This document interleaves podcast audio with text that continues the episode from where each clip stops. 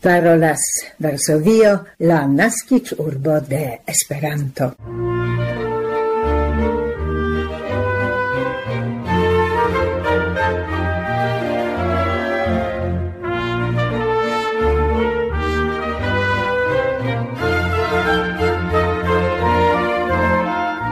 Tre kore salutas vin signoroi, en la Varsovia studio la dekan de februaro 2024 la tuta skipo de la Pola Retradio en 1300 Esperanto elsendo kiu soilas ce la dektriariĝo de nia redakcio. Hodiaŭ tuta aparte bonvenigas vin Barbara Pietrzak, Milada Szwedo kaj Maciej Jaskot – Krom la comencei aktualaĵoj ni proponas sciencbultenan temon, hodiaŭ ĝi rilatas al informpoluado. Comence de la semajno en la Facebooka paĝo aperis triste informo de profesoro Mark van Ostendorp pri la forpaso de Wim Jansen, emerita profesoro de interlingvistiko kaj Esperanto en la Universitato de Amsterdamo. En la portalo educado.net Katalin Kovac dedicis alla forpasinta sciencisto multan lokon en la rubrico Necrologoi. Tie ci troviras ancau mallonga esperantigita autobiografio de profesoro Wim Jansen, troviĝanta en la nederlanda originalo en la pagio de la Amsterdama Universitato. Professoro Wim Jansen estis ancau gasto de niaj elsendoj en 2008 cae 2009 Kaj ĝuste per s'ha documento mi volas adiaue kaj omage memorigi la figuron de la forpasinta interlingvisto, kiu sian karieron komencis kiel projekt-inĝeniero kaj projekt-estro en la Europa Kosma Agentejo. En la komenco bonvolu konatigi kun aktualaĵoj.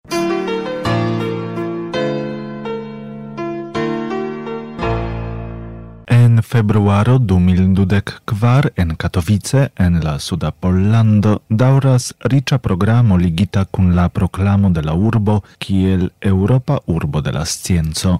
Cadre de la planita ciclo quindec semainoi en la urbo de la scienco, en februaro ocasas semaino de montaro, semaino de amo, semaino de humoro kai semaino de tri culturoi. Por ciu estas pretigita e popular scienza i prelegoi, labor rencontoi kai rencontigioi cun expertoi. Pro ciu organize respondecas iu el la altlerneioi de la Academia Consorcio, en kies consiston eniras sep publicae altlerneioi de la regiono. Kiel ni jam informis, Katowice estas la unu en la historio urbo el la centra orienta Europo, kiu ricevis la titolon de la Europa Urbo de la Scienzo.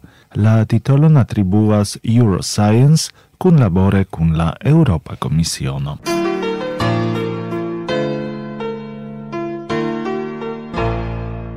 Grand Prix de la Trideca Internacia Festivalo de la Crisnascai cae Pastoralaj Cantoi en Benjin, Suda Pollando, akiris la militista orkestro el Žytomir.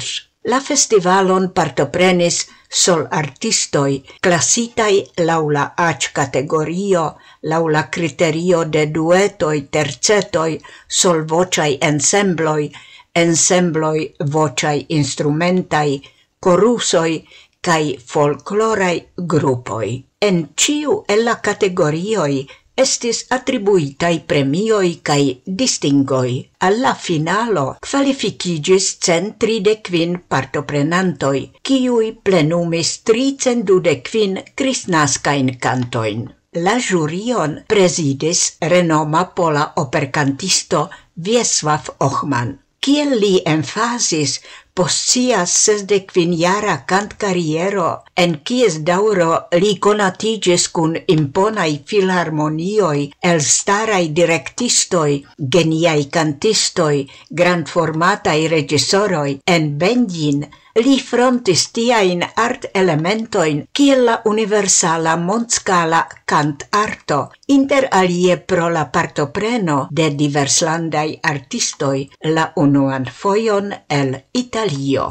La historio de la festivalo en Benjin comencigis en 1995 dank alla entusiasmo de la tiama junularo cae la paroĥa vicario pastro Piotr Pilchniak, pluriara directoro de la festivalo. Dum la nuniara solena fin concerto, li estis distingita per la ora merit cruco, attribuita de la pola presidento. Pastro Piotr Pilchniak ricevis crome medalon meritiginto por la culturo Gloria Artis, attribuitan de la pola Kultur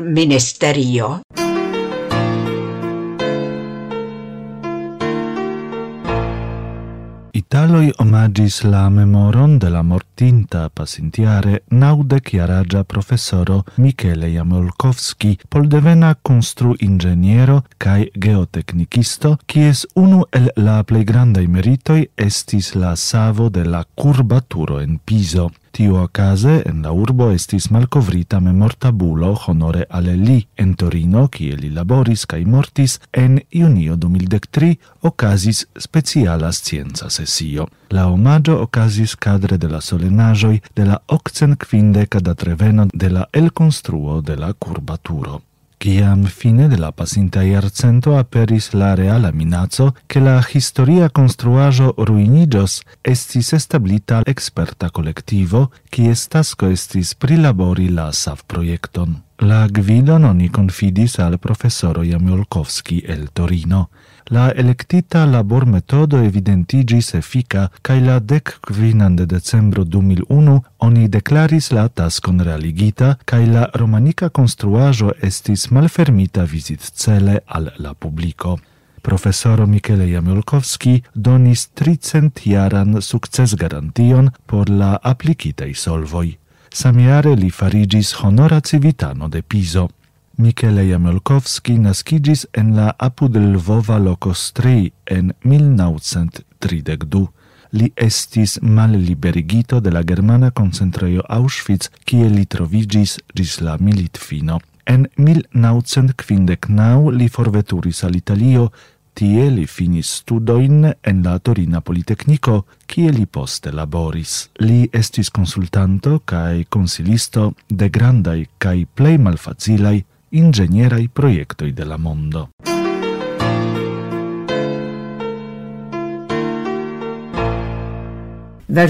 Parolas en la internacia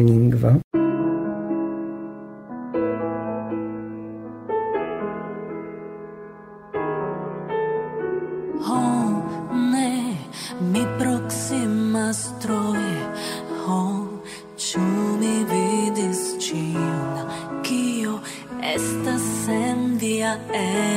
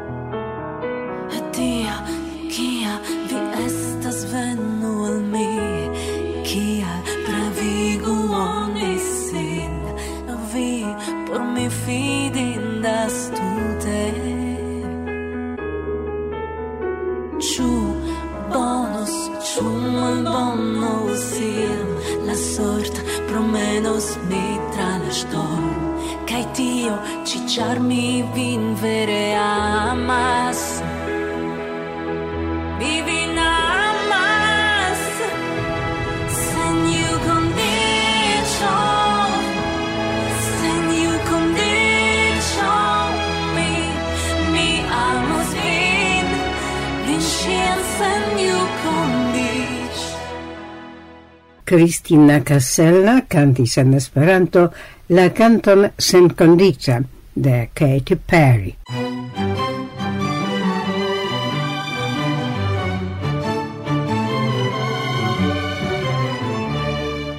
Nenimigita al iro al informoi povas ŝajni avantaĝa elemento de la homara evoluo, tamen ni ricevas pli da informoj ol ni kapablas alifari. Kiel atentigas sciencistoi similan situacion la homaro jam frontis dum la industria evoluo, kiam enorman crescon de la productado de fero cae kemiaĵoj oni tractis kiel nemalhaveblan por la progreso. Nun neam scias, che tio ligigis cun tiom seriosai minacoi, kiel necontrollata fum emisiado al fabricai camentuboi, al conducantai alla semgradigo de la medio, cae seriosa minazo por la homa sano. Nun sciencistoi attentigas che kiel la elemento de la medio in cioni vivas devas esti tractita ancau la informa spazio tro da informoj same kiel aerpoluado povas efiki malavantaĝe i homo. Tiun temon traktis aparte internacia sciencista kolektivo kun partopreno de poloj kadre de la Europa projekto Horizonto Europo. La concludo de ilia laboro estas che la ciutaga informpoluado causas cognan trosagion, kiu ligita cun lazo, tempo premo, che limigita capacito de la labor memoro malfaciligas raligadon de farendei tascoi. En la rilata publicajo scientisto imensis tri percepto niveloin de informa trosaggio, kiui estas reciproce dependei. Tio estas neuronei kaj cognei mekanismoj sur la nivelo de individuo, decidoj kaj informpercepto cadre de sociaj kai kaj tutsocia nivelo de interagado inter individuoj, grupoj kaj informliverantoj. Dum la collectiva laboro informoi estas alifaratei sur individua nivelo. Ili estas anco interŝanĝataj inter membroi de collectivo. Tial la informfluon eblas tracti kiel plurnivelan reton kun nodoi kiuj representas individuoin, grupoin, kaj tutein socioin, kun ligoi kiuj spegulas interagojn inter ili. Tio formas komplikan sistemon kun propra dinamico.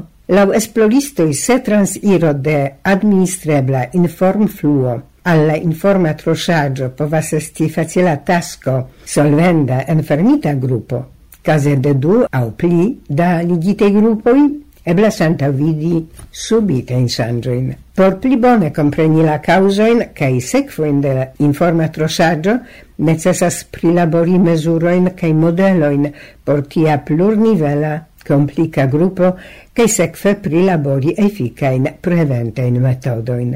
L'autore autoroj sugestas samtempan comenzon de organizitei agadoi en tri sferoi, scienzo, educado, legge donado. La unua ligidas cum la financado de interbranciai esplor proiectoi pri ecologio de plurnivela informatroŝarĝo, la dua, simile kiel case de recicligado de farfalajoi, postulas instruadon de inform ecologio sur la lerneia nivelo. La tria signifas ekdiskuton de tisfere conformai iurei reguligoi.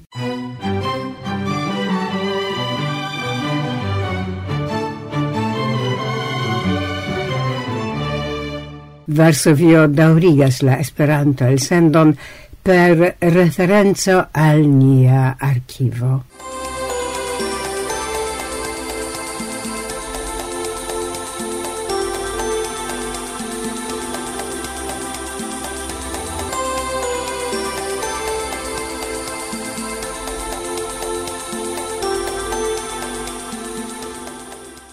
Nia cisemajna gasto estas profesoro Wim Jansen, kun kiu ni jam havis la okazon renkontiĝi en nia programo lige kun la Rotterdama Universala Kongreso, sed reference al grava konferenco kiu okazis antaŭ tiu ĉi kongreso en la Amsterdama Universitato. Temis pri aparta konferenco kiu concernis personoin ligitain kun la altlerneia instruado kaj lekciado pri interlingvistiko kaj Esperanto.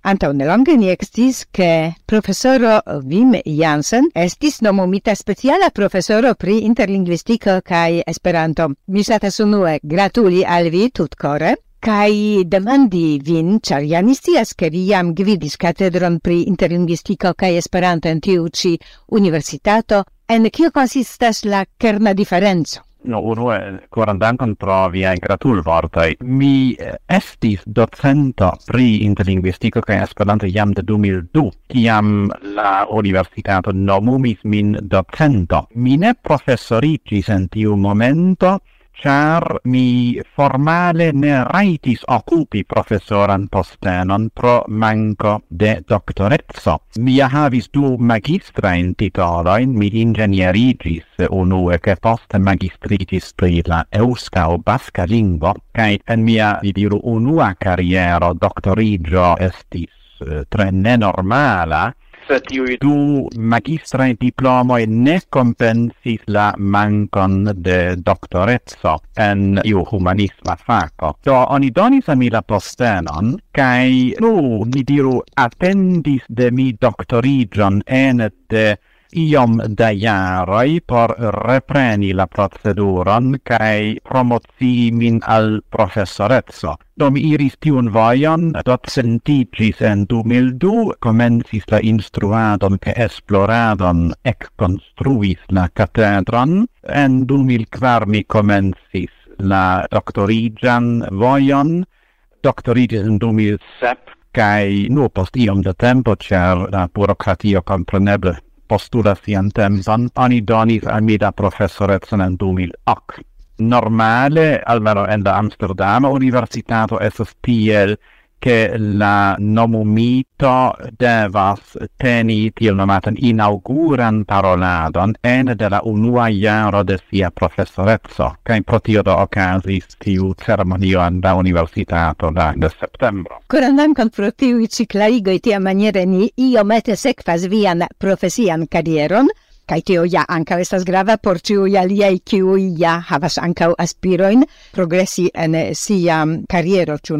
Do gratulon pro via profesoreco kai tute aparte ĝuste pro tiu speciala nomumo, kiel speciala profesoro pri interlingvistiko kai Esperanto. Vi tenis publican fest paroladon pri gi ni audis bedaurinde iun ein spuron pri gia kerno mi trovis nenie, Do mi estus tre dankem al vi, kaj mi esperas ke ankaŭ niaj aŭskultantoj, se vi iomete skize povus al ni diri fakte pri kio vi koncentriĝis en via festparolado. Via festparolado devas havi daŭron de kvardek kvin minutoj, do la tipan daŭron de universitata lekcio, kaj en kvardek kvin minutaj oni ne povas ĉion diri, kion oni eventuale volus diri. Krom oni havas la malfacilaĵon de la sufiĉe heterogena publiko publica oni devus alparoli la novain collegoin, cae conatigi sin, cae oni devus tion fari, ni diru, sur scienza nivello, sed en la salono sidas parentoi, geamicoi, conatoi, cae tiel plu, do oni debus contentigi ne nur la sciencistoin cae la rectoron, sed contentigi anco la generalan publicon, cae in mia caso, compreneble, tutte specife, la sponsora in de mia catedro kai la esperantistaron kunigitan por la ceremonio. Do mi electis temon pri Esperanto, ne pri interlingvistiko, sed tute concrete pri Esperanto. Mi ne volis paroli seke ni diru pri la avantagioi de Esperanto, che de nove gurdi mhm. ripeti la granda in in en la uh, internazia politico, cae tie plu, cae tie plu, cae prisilenti la malavantaggio in concernet, sed trafi la publicon en la coran, cae mi tenis conferenzon sub la titolo, se mi raitas esperantigi, cint Esperanto como lingua aminda. Do gi prenas kiel el ir puncton la provain de Umberto Eco consideri Esperanton unu el tiui tiel nomatai perfectai lingvoi kiuin la homaro sercis dum tiom da jarcentai, mi constatas poste che Esperanto strukture, ni diru, ne estas perfecta, et se oni ne povas difini perfectezon, au mesuri perfectezon, sed che funccie ci estas. Ege capabla plenumi la desiroin de la parolanto, cae che crome gi montras ni quelcaen tre interesajn trajtojn, kiujn oni eventuale ne attendas en gi ke kiu donas tre specialan efikon. gi havas kelka in struktura in traito in kiu kontribuas al tio, kion mi nomus la psikologia autonomezzo de la lingua Ni diru la psikologia avantaggio de la lingua estas ne nur tio, ke oni sentas la linguan eh, sia char di estas nenies gepatra lingvo do neniu povas vin correcti, sed estas anco la strukturo de Esperanto mem kiu contribuas al tio. Ne nur la facto che ĝi ne appartenas al iu nazio, sed anco strukture di prezentas kelkajn specifajoin kiu contribuas al tiu sento, che tion mi explicis al la publico Kai tion oni tre shatis vi dirus la esperantistoj compreneble tion tre shatis sed ankaŭ la kolegoj lingvistoj tre apprendis tion al aliron kai trovis la tuton no ege stimula kai ege interessa Mi credas do la la reagoi e la publico de diverse flancoi che oni povas paroli pri no granda por esperanta spectaclo, che oni successis. Do gratulam ancora foie, Anca pro via festparolado, compreneble gi estis presentita en la nazia lingvo en Nederlanda. La demando jam iom margena, ĉu eventuale gi ankaŭ estas disponigita en la internazia lingvo? No, mi esperas. Mi compreneble devos travi per tio tempson, so unue ni diru peti la permeson de la eldonisto, char la texto estis eldonita, ni diru, de la heima eldoneio de la Amsterdam Universitato, kiu presas tia in ses parolado, in tia in inaugura in parolado, in lau norma formato iam de dec jaroi, kai officiale distribuas la libreton al occent adressoi ene de universitato in Nederlando, al kiu aldonigas do la private desirata quanto de la nov professoro, do mi devas peti permesson comp compreneble se tia esas rutinaja, mi supposas ricevit in centene, che tia mi devos travi tempon por tio. Mi supposas che anto la fino della iaro mi successos esperantigi gin, che do au enretigi gin, au nu eble iu pretas eldoni gin kiel paperan broschuro. No, tiu caso estus interesa materialo mi supposas por pli vasta esperantista publiko tuta parte interesiĝanta pri interlingvistiko kaj entute la demando de interlingvistiko Esperanto en la universitatoj. Ria posteno en la Amsterdama universitato ja signifas ankaŭ praktikan laboron. La akademia jaro en tiu jaro komenciĝis la 31 de aŭgusto. Normale ĝi komenciĝas ĉirkaŭ la 1 de septembro, sed la plej proksima lundo al la 1 de septembro septembro estis la 31 de augusto, do iam la resto de la norda hemisfero eble ancora oferis ni comencis.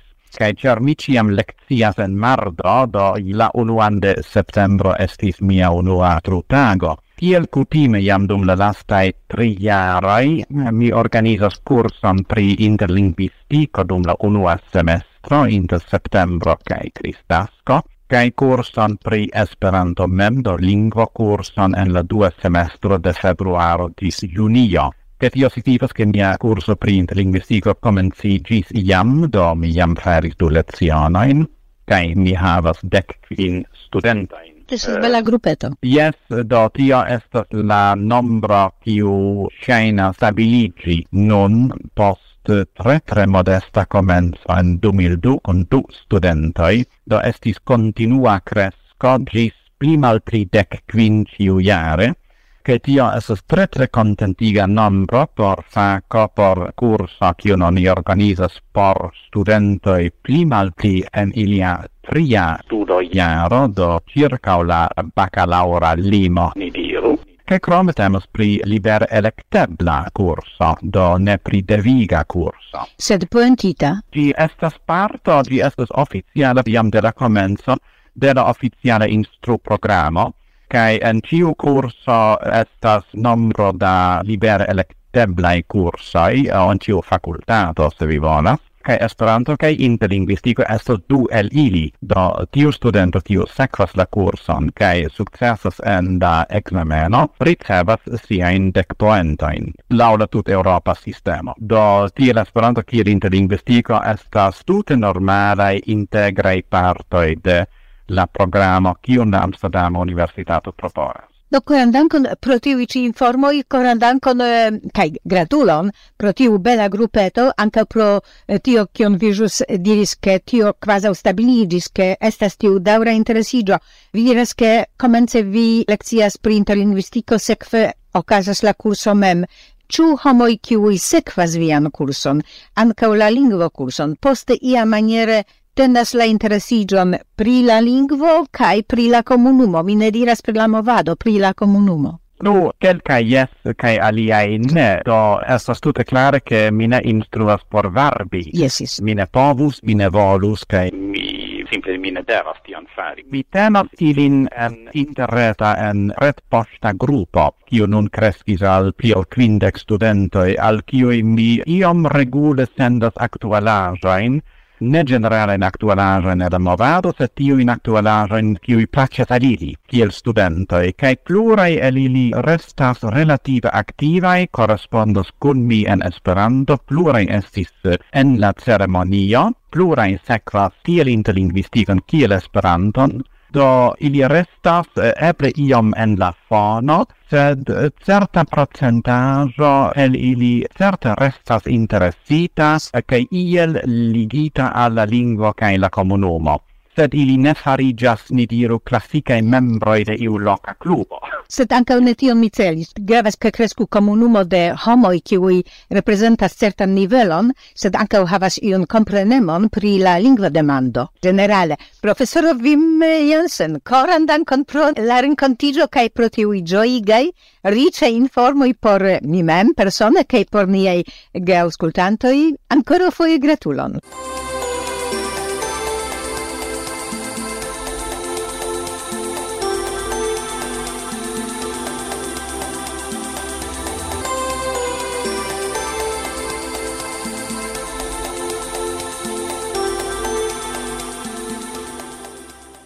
Gesignoroi, per la archiva interparolo cun professoro Vimi Jansen el 2009 finiĝas nia hodiava Esperanto elsendo el Varsovio.